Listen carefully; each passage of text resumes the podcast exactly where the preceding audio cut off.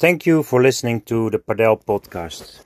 My name is Stijn and I'm watching a video online. This is the video how to play Padel. Um, it can help you to learn the rules and to know more about Padel. How to play Padel. When you step onto the court, slide your hand through the strap.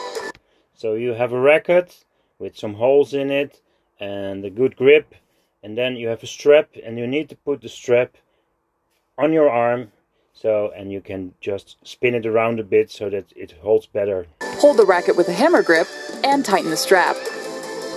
Tighten the strap is very important so that you don't lose the racket while playing.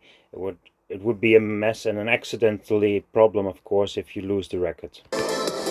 Remember to warm up properly before starting to play Warming up is very important. So what is a warming up for padel? Think about how you can move your legs, your arms. Think about what you can do with walking around. Think about your breathing exercises and also focus on just doing some stretches and doing some bendings. Because you're going to move fast, you're going to realize that you do a lot of things while playing padel. And if you do a good warming up, then you'll feel better, you'll feel stronger, your muscles will be right, and your body will be healthy and happy to start a game. When all players are ready to play, the right to serve first is decided by a draw.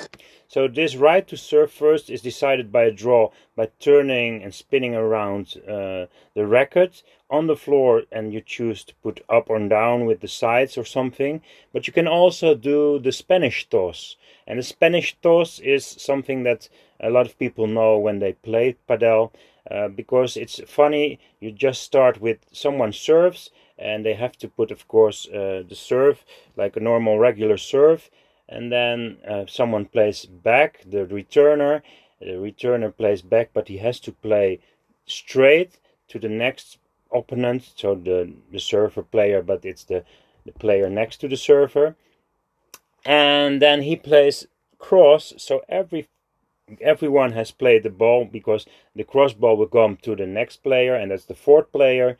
And the fourth player can play cross or straight, but then it's like a match and the winner of this point will get the serve. On the video you see the toss, of course the toss is fast, uh, but it also is not a thing that people like because you have to put your racket on the floor and a lot of people are like very, yeah, they, they don't want to put their rackets on the floor. The match starts with a serve, which in padel is taken as follows. You drop the ball behind the service line, and after it has bounced, you hit it into the diagonal service box on the opponent's side. So you drop the ball behind the service line, you stay behind the service line, and then when you hit the ball, you put it and you hit it towards the opponent's side. The ball must be at or below waist level when the racket hits it. So your waist level is very important. Um, it's like uh, important that you hit the ball below or at waist level when you hit the racket with the ball. So focus on putting your arms low and hitting the ball on that low level. When the ball goes over to the opponent's side after the serve, the first bounce must hit the service box. In the video you can see a great screen. You can see that it hits the ball into the service box. The service box is quite clear because uh, yeah you stand behind the line and then you see the service boxes and the net in between. If you focus on a cross and you send the serve towards the service box you start on the right side of course. The serve must not hit the wire fence after the first bounce. So here also in the video you can see that it makes a noise and it puts it on red if you hit the fence. But if you don't hit the fence and it goes to the glass, it's a good ball. If you don't hit the fence, it goes to the floor and then to the glass, of course. But if it doesn't hit the floor and it goes to the glass immediately, it's a wrong ball, of course. So it has to hit the floor, first bounce, and then hit the glass, or the opponent can play the ball back. If the first serve is not valid, the player can take a second serve. So you're able to play two serves on that side, and one of them has to be correct. In serving and in play, the ball must always hit the ground before Always hit the ground. Or hitting the side or back walls. If the ball fails to cross the net or hits the wall on the opponent's side without bouncing off the ground, the pair who hit the ball loses a point. So watch the video, you can see that if it hits the net or if it bounces off the ground to without bouncing on the floor on the right place, then you see that's that's a wrong ball. And that's good just to know where the good and the wrong balls are. In play, unlike in serving, you can use the entire side of the court. So you can use the entire side of the court when the play is ready. When the ball comes to your side of the court, you can return it with a volley, after one bounce, or by hitting it to the opponent's side using the glass wall on your side. So you can return it with a volley. That's uh, a low in the middle kind of uh, play. And otherwise, afterwards, returning it, people can also smash and do anything they want to return it. Note that after hitting the floor, the ball is allowed to bounce off one or more glass wall or wire fence. So you can take a low ball, of course, and uh, returns can be like you hit it low and put it over the net. As long as it is returned before it bounces twice. Focus on it cannot bounce twice and it can go to the glass, but then you have to return it. In padel, the team that wins a ball first gets 15 points, then 30, and then 40.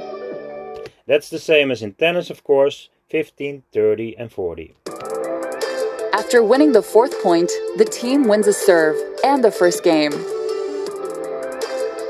But if the score is tied 40 40, a team must win two consecutive points to win a serve. So if it's 40 40, they call it deuce, and a team must win two consecutive points to win a serve.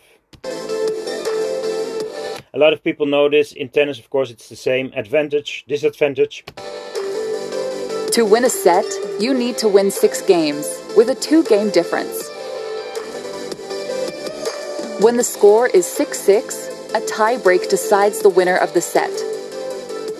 So the tie break is like when it's 6 6 in games already, then the seventh game is played uh, for actually it's the 13th game, of course, in that set 6 6. And then, to win a tiebreak, you need to get seven points with a two point difference.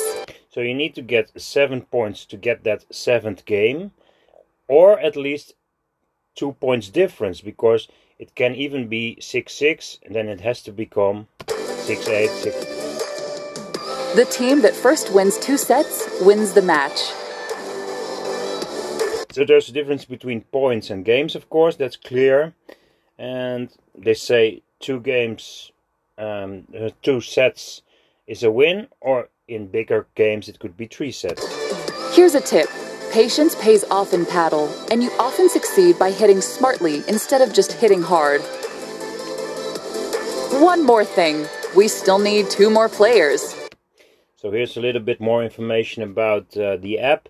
This is a promo from Padel Tampere.